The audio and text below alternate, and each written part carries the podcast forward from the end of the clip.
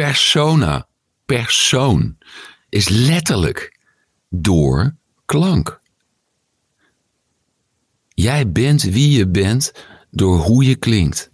Welkom bij de Stempodcast, de podcast over hoe je met je stem meer impact maakt.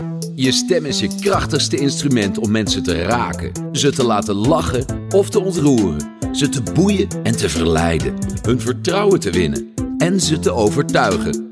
Je krachtigste instrument, maar ook een vergeten instrument. Je verborgen goud. In de Stempodcast ontdek je hoe je dit verborgen goud laat schitteren en hoe anderen dat doen.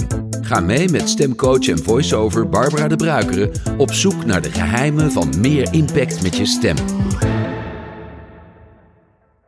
Je hoort hem altijd in het intro en het outro van deze stempodcast. En persoonlijk vind ik dat hij absoluut de mooiste mannenstem van Nederland eh, heeft. Is, wou ik zeggen, heeft. En vandaag is hij dus ook in de stempodcast zelf te horen. Collega voice-over en stemacteur Roel Foy. Welkom Roel. Hey, hoi Barbara. Die stem voor jou, die komen we echt overal wel tegen. Ik ga even een kleine greep uit jouw oeuvre doen, dat de luisteraars een beetje een beeld hebben wie ik aan de andere kant heb zitten. Jij doet commercials voor topmerken zoals Bosch, Nikon, Hans Grohe, Ben Jerry's. Populaire tv-programma's zoals Dancing with the Stars en spelshows van Robert ten Brink en Carlo Boshart. Documentaires, bedrijfsfilms, voorlichtingsvideo's, onder andere van de Rijksoverheid. En je hebt al meer dan honderd luisterboeken ingesproken, zowel fictie als non-fictie. En op die luisterboeken komen we later terug, Roel. Maar eerst, hoe ben jij in het stemmenwerk gerold? Had je al van jongs af aan dat mensen zeiden van, wow, jij moet iets doen met die stem van jou? Hoe is dat bij jou gegaan? Nee, dat, waren helemaal geen mensen die zeiden dat, uh, dat ik iets met mijn stem moest gaan doen. Ik vond gewoon zelf dat ik iets met mijn stem moest gaan doen. Dat wilde ik heel graag. Dat was echt een droom. Ja. Jij hebt als klein jongetje de droom gehad om nee, stemmen als klein jongetje wilde ik wat anders. Toen wilde ik uh, natuurlijk astronaut worden. Ah, uh, uiteraard. Uh, ja, ja, ja. En ik heb ook drie maar jij wilde, jij wilde iets geschreven om, om, om, dat, om dat te willen worden, dat uit te drukken. En toen stuurden ze ook brieven terug met ruimtevoedsel erin. Dat soort dingen. Hartstikke leuk, joh. Van die tubetjes. Ja, ja. ja. ja hey, maar hoe, hoe is dat gegaan? Wilde jij, jij hebt een opleiding gedaan. Heb je dat met uh, in je achterhoofd gedaan? Ik wil iets met mijn stem gaan doen? Of heb je een opleiding gedaan als acteur? Nee, zo was het helemaal niet. Uh, uh, ik, ik, ik, ik, heb gestudeerd aan de, aan de UVA. En ehm, dat was Europese studies. En ik had Italiaans, wel een taal, als, als hoofdrichting. En ehm, ik ik kreeg uh, in mijn studietijd uh, een relatie met een actrice uh, die nog in opleiding was in Maastricht. Dat was Camilla Siegerts.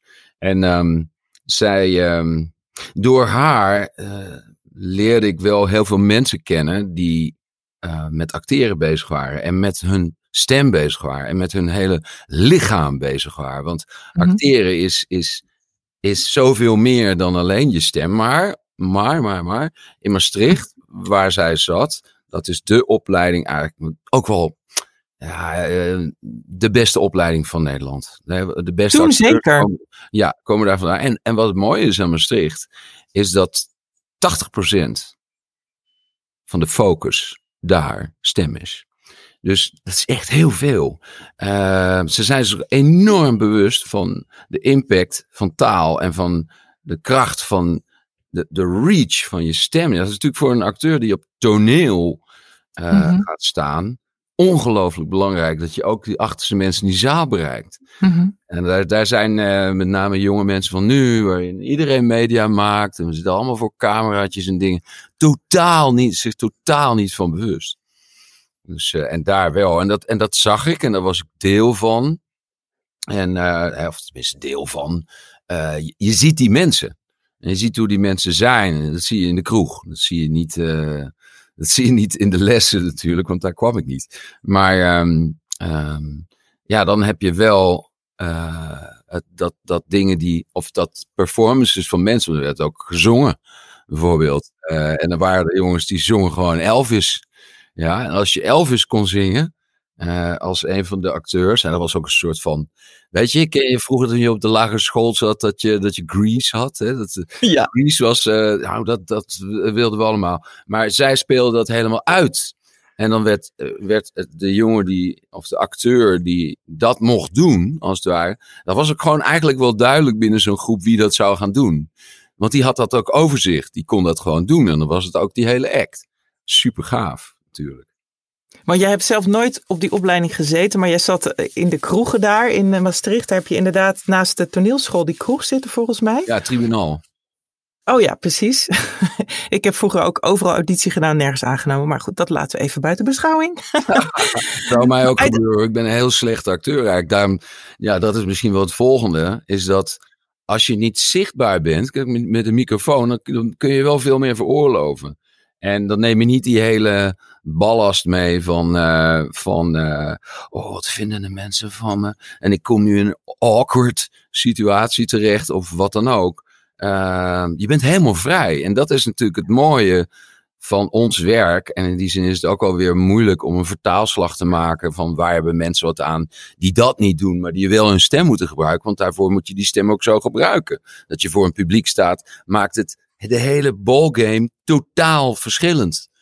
Van die soort van laboratoriumsituatie waar wij in zitten. Waarbij je, waarbij je ook een, uh, een, uh, een, een totaal wappie uh, piloot kunt spelen. Of een plastisch chirurg die niet weet waar hij mee bezig is. Of whatever, wat voor rampzalige combinatie van type ja. die je ook kunt maken.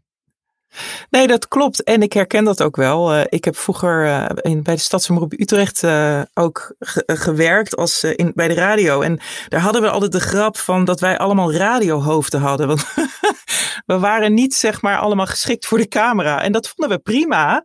Want we, daardoor konden we lekker ons ding doen en, en mensen interviewen. Zoals ik nu eigenlijk. Ik eigenlijk ben ik nu mijn prima, Ik zou jou prima voor een camera zien hoor. Is een beetje vanwege Eat Your Heart Out uh, soort van. Nou, dankjewel. nee, maar jij bent um, op een gegeven moment gaan acteren in soaps. Naar, in Onderweg naar Morgen. Hoe ben je daar in hemelsnaam ingerold? Is dat ook via je Maastricht Connection gegaan? Ja, nou ja, eigenlijk ook weer helemaal niet. Want dat, uh, dat werd dan allemaal gedaan uh, door Harry Klooster, die casting. Het was een beetje een op zichzelf staand wereldje. Harry Klooster was een beetje een... Uh, ja, was gewoon voor de, een commerciële casting director die, uh, die eigenlijk ook out of the blue mij op een gegeven moment castte voor die rol uh, in Onderweg. Uh, en net zoals dat een beetje out of the blue was, was zo'n serie natuurlijk eigenlijk ook. Uh, ja, de verhalen daarin, die worden gecreëerd while you're at it. Hè? Dus er wordt gekeken naar wie, wie, wie hebben we hier, uh, wie hebben we hier nou weer? nou, daar gaan ze op schrijven. Hè? En er zit heel veel psychologie achter. En dat mag je dan allemaal niet weten. En, waardoor het eigenlijk ook best wel een beetje freaky ding is eigenlijk. Een soap is ook een soort experimenteren met mensen eigenlijk. Waar, waar ik helemaal eigenlijk Ik heb het eigenlijk best wel, als ik het achteraf bekijk, denk ik van best wel een beetje kwalijke zaak.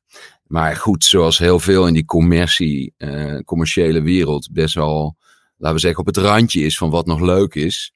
Uh, mm. Mensen vinden het leuk, ja. Maar de, de mensen die, die deel zijn van het systeem, die, die vinden het vaak helemaal niet leuk. Zeker die spelshows niet. Wat, wat, wat, wat een volksmanners daarachter zitten met John de Mol en zo. Ja, allemaal wel inmiddels, dat die eigenlijk helemaal niet kosher zijn. Maar um, ja, het is wel de wereld waarin ik me bewogen heb waar ik ook dankbaar voor ben. Aan de andere ja. kant, dat ik het heb uh, mogen doen. Want het heeft mij wel de kans gegeven hè, om, om me bewust te worden van wauw, dit is, dit is een serieus spel. Uh, uh, tijd is geld. Hè, want dat was bij de soaps, de drie-camera-regie. Uh, moest snel geproduceerd worden. Nou, neem je dat mee in een context waarin je wel leuk en, vrij voelt om, iets te maken. Dan heb je al snel zoiets van wauw, ik, ik, ik, ik heb iets wat werkt. en en op je andere ja, mogelijke vraag vooruitlopend van ja, hoe, hoe, hoe, hoe doe jij nou gewoon wat ze zeggen? Of uh, spreek jij uh, in met jouw eigen overtuiging en, en ben je gewoon zelfverzekerd om in een studio ook mensen zonder daarbij de psychologie van oké, dit is een dominant mannetje of whatever. Ja, als hij dat wil zijn, prima. Dan, dan krijgt hij niet, niet eens uh, bij wijze van spreken dat wat, wat hij zou kunnen hebben. Namelijk dat je synergie hebt in de studio. Dat je het samen doet. Dus, en, en als ik dat gevoel bereik uh, met een groep mensen. En als het jonge mensen zijn, helemaal mooi. Want uh, hè, die, die oude garde, dat, daar was ik wel gewend hoe het werkte. Maar nu heb ik jongelui van, van in de twintig soms tegenover me zitten. Die misschien wel uh, veel. Dat, het, dat het, voor mij is het veel leuker om dan op een gegeven moment een moment te hebben. Als er drie of vier mensen zitten voor één spot. om zoiets te hebben van we doen dit samen. Jongens, we doen dit ja. samen. Ja, ja klopt. Dat ken jij vast ook wel.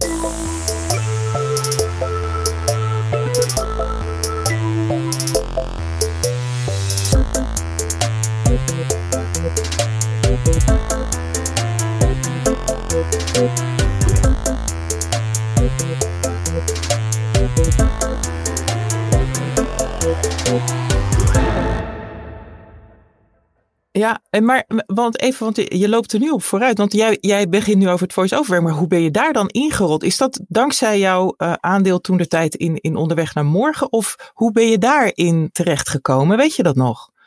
Ja, ik ben blij dat je niet zegt, hoe, hoe, zijn nou wel, hoe ben je erin gerold?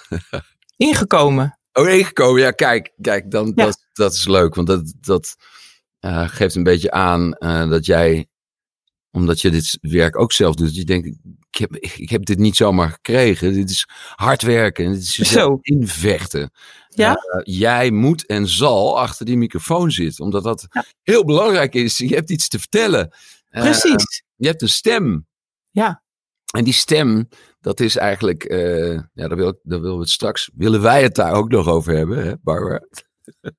uh, is onwijs belangrijk. Het is zoveel meer dan alleen dat geluid. Uh, maar ja, ik maakte studentenradio en uh, ik deed dat voor Amsterdam FM. Ik had ook een eigen uur. En dat is gewoon allemaal tijdens die studententijd ja, geweest. Wanneer je zoals ik ook. voor iets heel anders bezig was. En, ja. en, en, en een doctorandustitel moest halen. en, uh, en, en, en, een these moest schrijven. En uh, um, daar was het wel leuk. Daar was het ja. uh, zo dat je iemand in de studio had. Want die wisselwerking tussen je gast en jou is natuurlijk onwijs leuk. Ja. Uh, dat was vaak iemand met een bepaalde roem. Hè. Je had daar mensen die.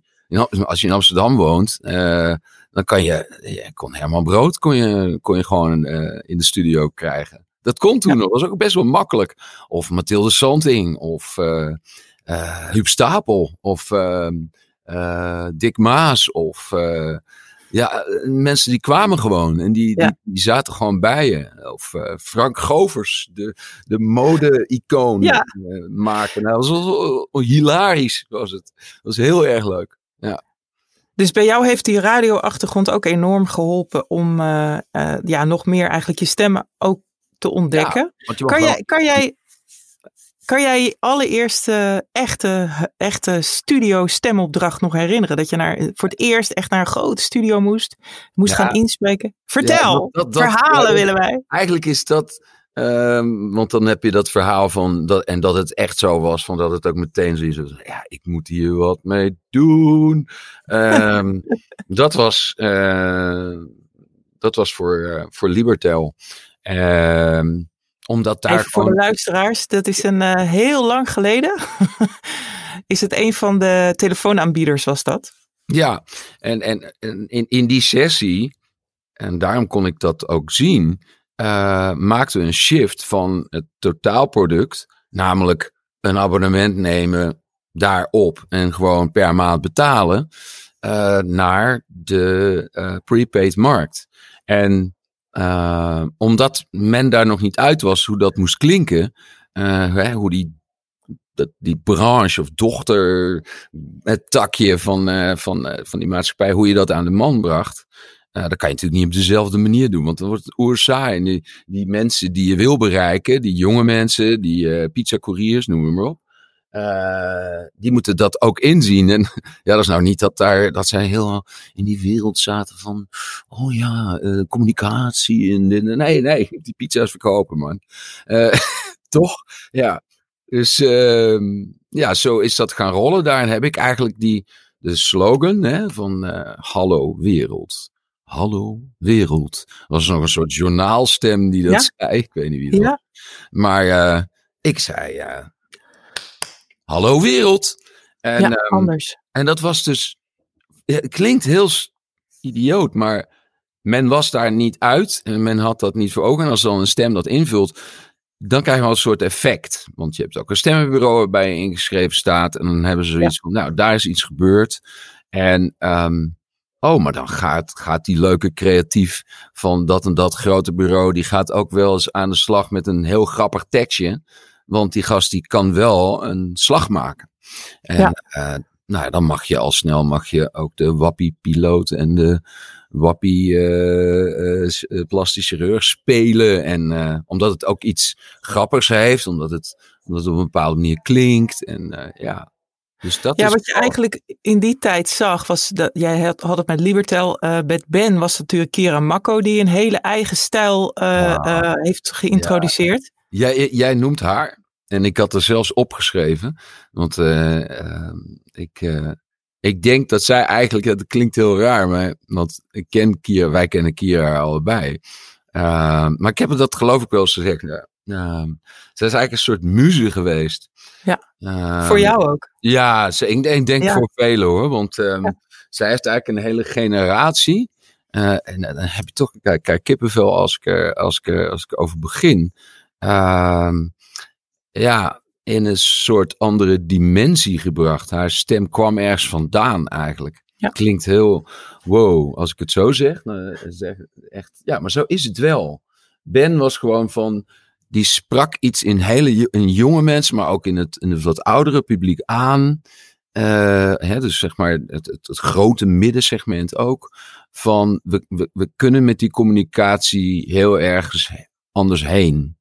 En omdat zij daar al was, omdat het gewoon tof mens is. En, uh... Oh, maar Kira is geweldig. En wat, wat, wat volgens mij bij haar, wat dankzij uh, door het Ben gebeuren wat ze gedaan heeft, wat voor mij heel erg, wat mij heel erg raakte toen, toen was ik nog helemaal niet bezig met, met stemacteren, maar wat, wat mij heel erg raakte was de gewoonheid bijna, de nonchalante gewoonheid, die raakte me enorm. Alsof ik met mijn vriendin zat te praten, die zei, hey Ben, weet je, dat je denkt, een ja. soort, ja, ja, ik snap precies wat je bedoelt. En ja. misschien dat mensen zich. De, ben is nu trouwens weer terug. Dat, uh, ik hoor af en toe wel commercials, dan hoor je ook weer haar stem.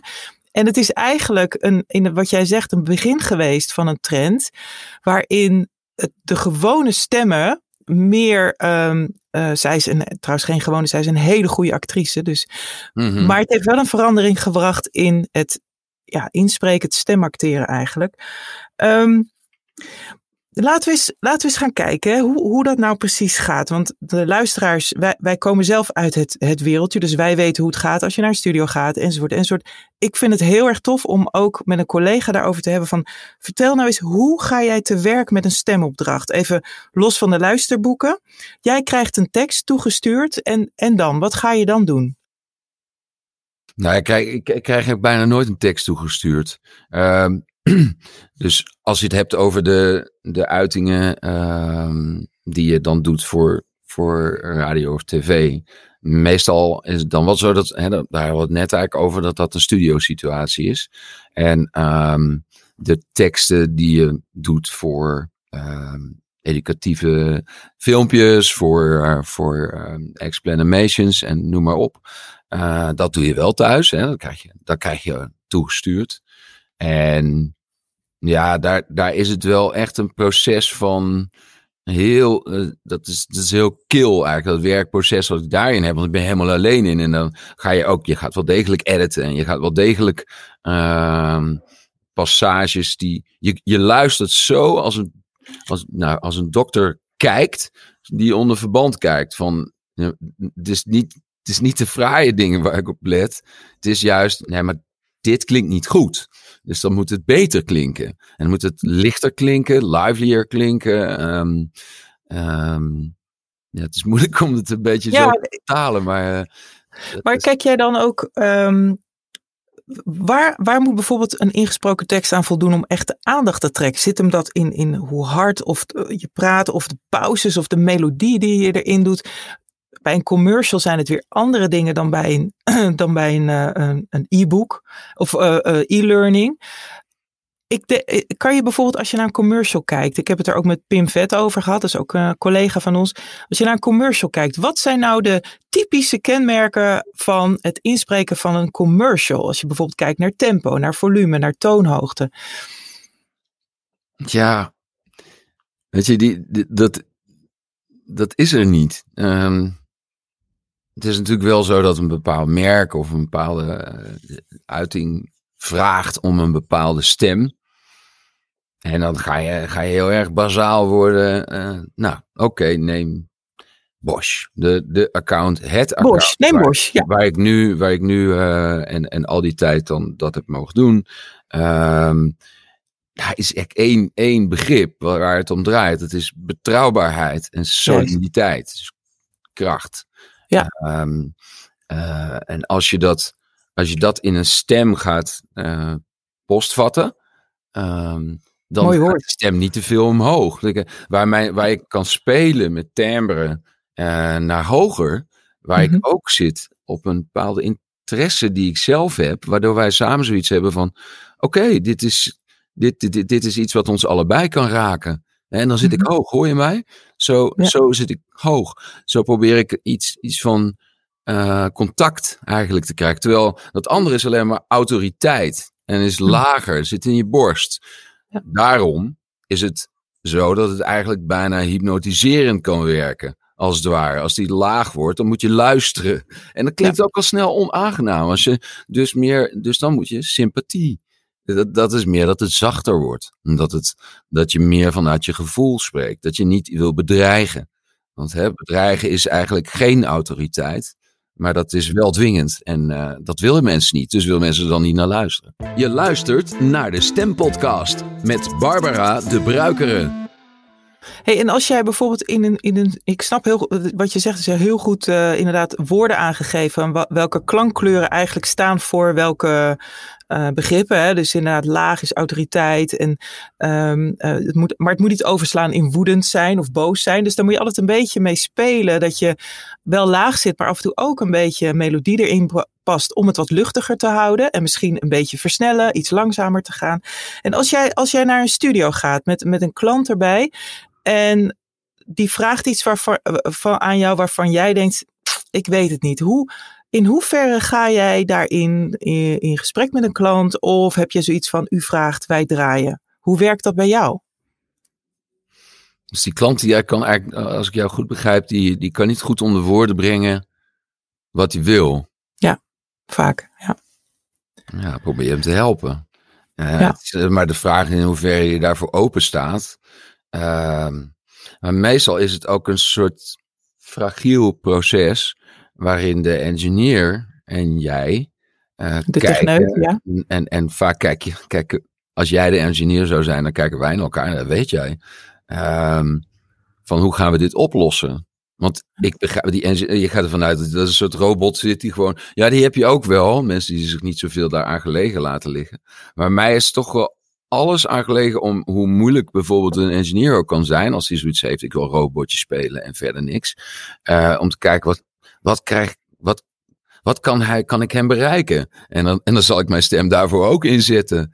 Weet je wel? Ja. Eh, Wat, wat voor mij wel altijd werkte, volgens mij doe jij dat ook wel. Als, als de, heel vaak heb je het probleem eigenlijk dat de klant vindt het heel erg tof om naar een studio te gaan. Om te kijken hoe dat werkt. Die neemt dan allemaal mensen mee van de marketing of communicatieafdeling. En dat zijn allemaal mensen die op hun werkgebied hartstikke veel verstand hebben.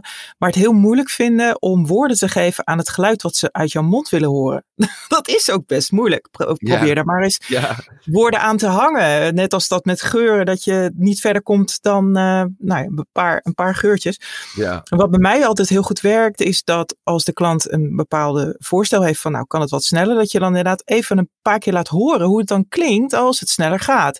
En dan voel ik me op dat moment altijd een soort um, uh, pop, zeg maar, maar op een positieve manier. Dat als hij zegt, nee, en als je het nou eens zo probeert, dat je gelijk kan laten horen hoe dat dan klinkt. En dat hij dan, en dan kan gaan sleutelen aan, ja, maar iets hoger, iets dit, iets dat. En dat, is het, dat vind ik zelf ook wel weer het mooie, dat je in zo'n studio meteen kan laten horen wat dat betekent voor de tekst. Ja, trouwens, hij is die pop, jij bent die pop niet.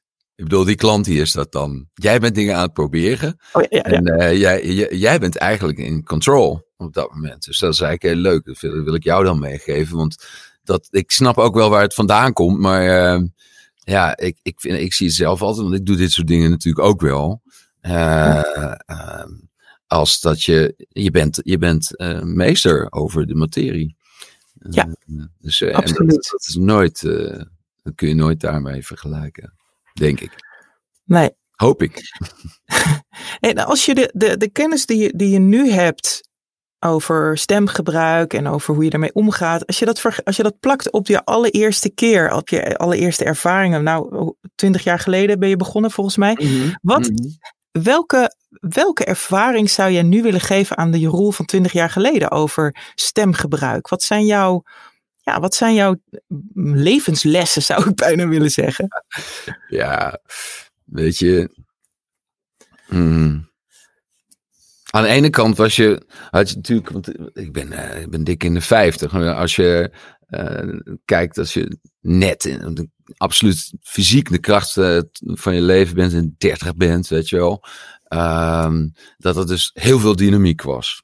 En uh, dat er dus vaak producties waren waarbij je uh, natuurlijk met heel veel lachen op terugkijken dat ik, dat ik stond te zingen onder de douche of dat, ik, dat, ik, dat ik heel snel een commentator bij een racewedstrijd moest spelen voor de Red Bull Knockout Game of zoiets.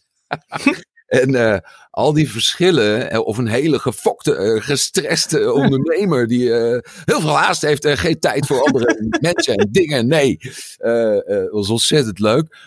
maar ik zou dan nu met de rust die ik nu wat meer heb zeggen, ah, hé hey, jochie, het komt wel goed, doe maar rustig. Weet je, dat ik hem wat meer, dat je dat kan spelen, maar dat je het wel echt vanuit je buik kunt spelen. Dat je echt denkt van, ik, ben, ik heb nog steeds een gebied waarop mijn denken hier boven hangt en er iets mee doet en het, en het, het richting geeft. Hè, wat een, een, een, heel gefocuste acteur doet. Ik was natuurlijk wel een acteur, maar um, vaak, vaak zet je jezelf zo onder druk met dit soort dingen, dat je zelfs over je grenzen heen gaat wat nog goed is voor jezelf. Ja, wat, wat ik eigenlijk ook wat ik ook een beetje begrijp is dat je eigenlijk ook zegt tegen die jonge Roel van heb gewoon wat meer vertrouwen in dat het goed het is. Het is al goed, weet je wel? Dat hele ja, be ja, die bewijs. Ja, het moest altijd beter en het moest altijd. Uh, maar dat is ook waar.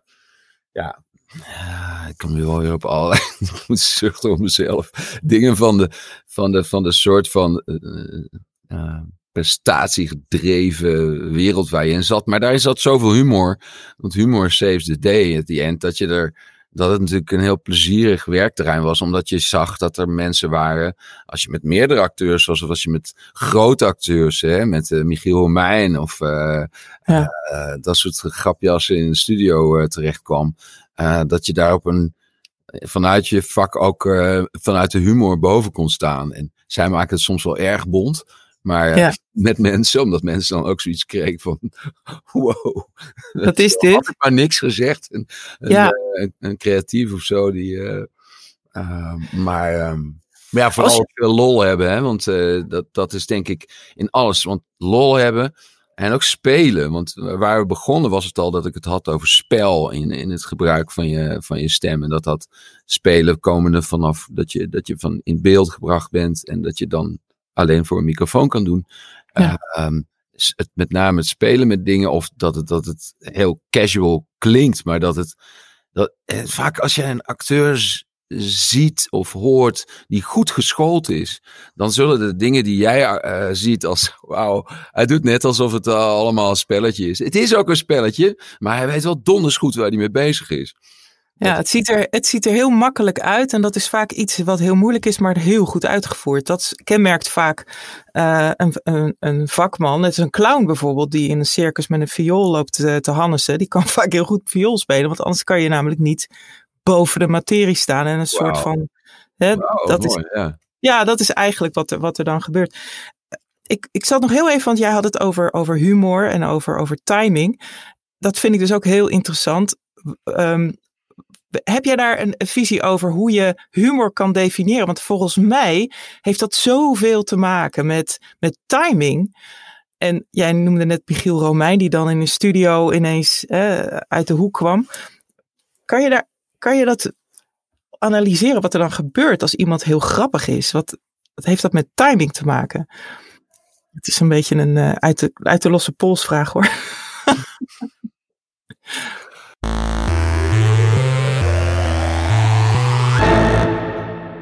Ja. Mm, dan moet je het niet wegzinken. Hè? Timing is dat je erbij bent. Ja, ja, ja. Precies op Dat het juiste moment een pauze laat vallen. En uh, ja, ja, dat vindt u. Hmm. Ja, Ja. dat- kijk, het is natuurlijk uh, als, als, als iemand dat dan zegt en, en, en uh, zegt het op het, op het juiste moment. En oh, ik heb een mooie stem, dankjewel. Uh, sarcasme of. Uh, Ja. Maar vooral wat ik mooi vind aan timing in een, en dan weer naar een serieuze benadering. En dat is uh, als je die pauze laat vallen en iemand zit hem in een bepaald. Want dat, bij een commercial is dat vrij makkelijk. Ik kan daar toch het makkelijkst over praten. Want het is niet zo dat ik een cabaretier ben die op het podium staat. Um, dat, uh, dat, je, dat je het samenspel van beeld en geluid hebt. Hè? Dus waar wij op spreken. En dat je door een pauze te laten vallen of timing te gebruiken. Mensen eigenlijk in een totaal andere richting brengt van het ene op het andere moment. Waardoor er een soort shift zit in beleving of in denken of in. Uh, ja, dat, dat, maakt, dat maakt kan het dat je het zelf ook mooi kunt vinden en zien. Uh, als het is gelukt. Ja, ja, het is eigenlijk dat mensen die verwachten een bepaalde dat je rechtdoor rent en ineens ga je naar links. Dat ze denken, huh, wat? Oh, ja, ja grappig. Zo. Wat doe jij nou? Huh? Ja, dat. We gaan, het, we gaan het even hebben over het luisterboeken uh, inspreken. Want mm. ik weet dat heel veel online ondernemers die ook deze stempodcast luisteren, vaak een boek hebben geschreven die ze dan van de uitgever ook zelf mogen inspreken. En ik heb er een aantal die zeggen, oh help, eigenlijk is dat best heel moeilijk. Hoe doe je dat in hemelsnaam? En dan zeg ik, wacht maar tot deze aflevering komt. Nee hoor.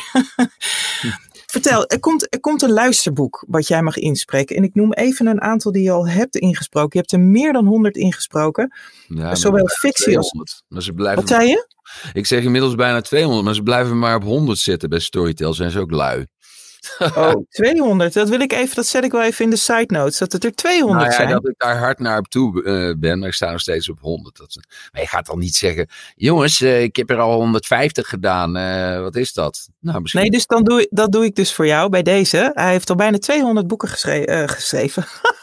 Ingesproken, ja. waaronder bijvoorbeeld De Kracht van het Nu van Eckhart Tolle. Big Data Revolution. Um, ik vind luisterboeken, ver, uh, vergelijk ik altijd met een marathon. Ik vind het ook helemaal niet leuk om te doen. Luisterboeken is inspreekwerk van de lange adem, letterlijk. Hoe werkt dat? Hoe bereid jij je voor als je een boek krijgt wat je gaat inspreken? Ga je het eerst helemaal lezen of niet?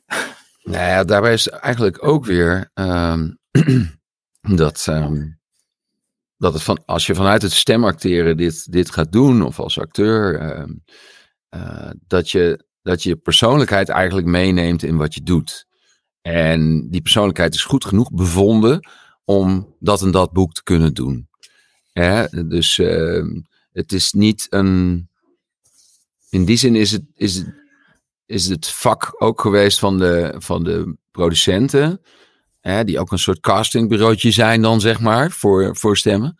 Uh, om, om dus te denken van, nou, hij hoeft niet na te gaan denken over wie hij is of uh, in relatie tot dit. Nee, hij kan dit behappen, hij kan dit aan en hij gaat dat boek gewoon lezen met zijn karakter. En ja. uh, daar verandert niet zoveel aan. Of, of de, uh, als het een thriller is, dan is het natuurlijk van, oké, okay, hij kan een tekst spannend maken. En als het een filosofisch boek is, hij kan de tekst behappen. En er zit ook nog wat humor in. Hij valt samen met wat, wat die schrijver bedoelt.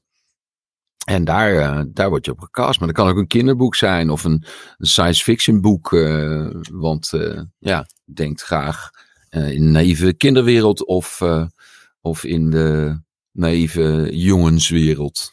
Ja, dus jij zegt eigenlijk van ik, ik krijg dan een boek als opdracht. Ik, ik ga er gewoon aan beginnen. Um, even voor de luisteraars. Dat is toch heel als je je dan verspreekt of iets, doe je het dan ook zelf editen of ga je daarvoor naar een studio? Hoe doe jij proces. dat? Het is een heel proces, want ik heb inmiddels hier, net zoals jij, uh, wij spreken elkaar vanuit studio's waar, uh, waar je opnameapparatuur hebt en waar ook een uh, functie in zit waardoor je kunt editen. Ja. Daar zitten vaak nog veel meer functies in. Dat wordt al snel veel te moeilijk, ook voor ons. Uh, maar gewoon knippen en plakken. En ook een beetje compressen, als het nou nodig mocht zijn. Nou, dat is ook uh, snel geleerd.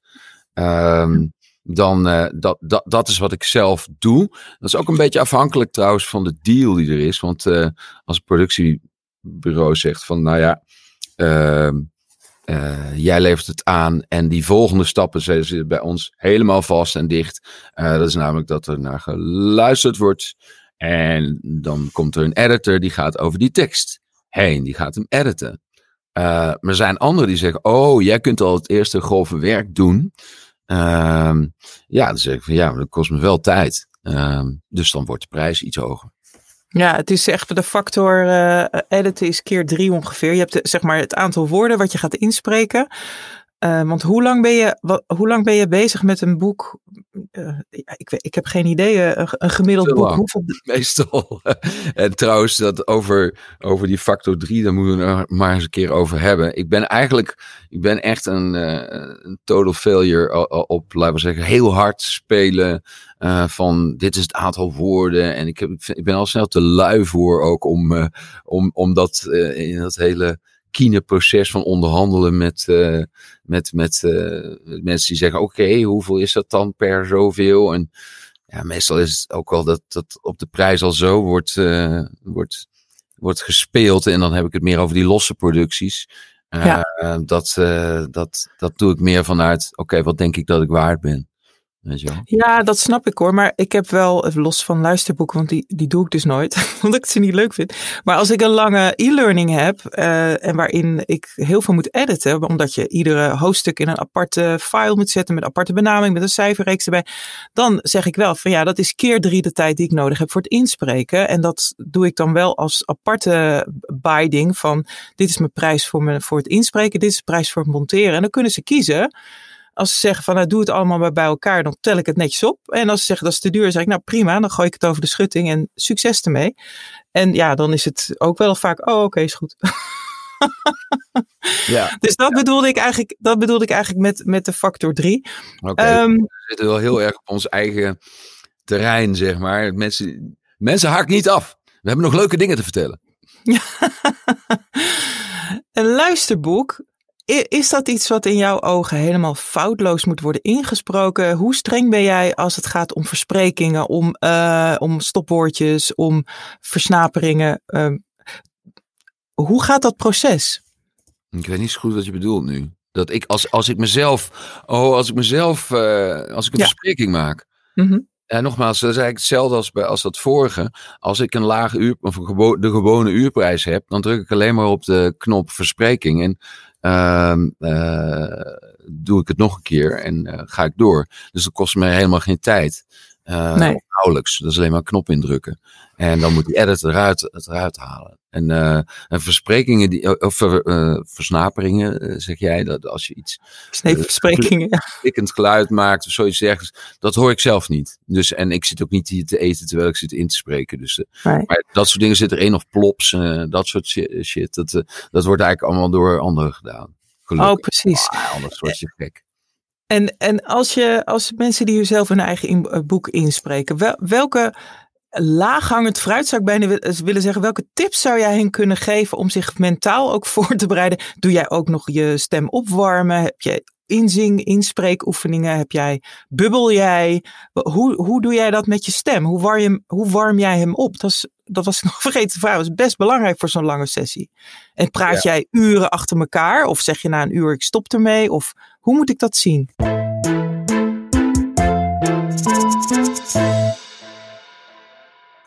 je hebt ook wel na een uur heb je meestal wel uh, dat je er even uit moet. Want als je in een hok zit, dan, dan moet je er gewoon even uit. En dan moet je even een kop koffie drinken of uh, wat zuurstof pakken. Want die, die hokken zijn allemaal niet heel erg groot. En, en zuurstof is gewoon niet genoeg. Dus dat, dat over jezelf.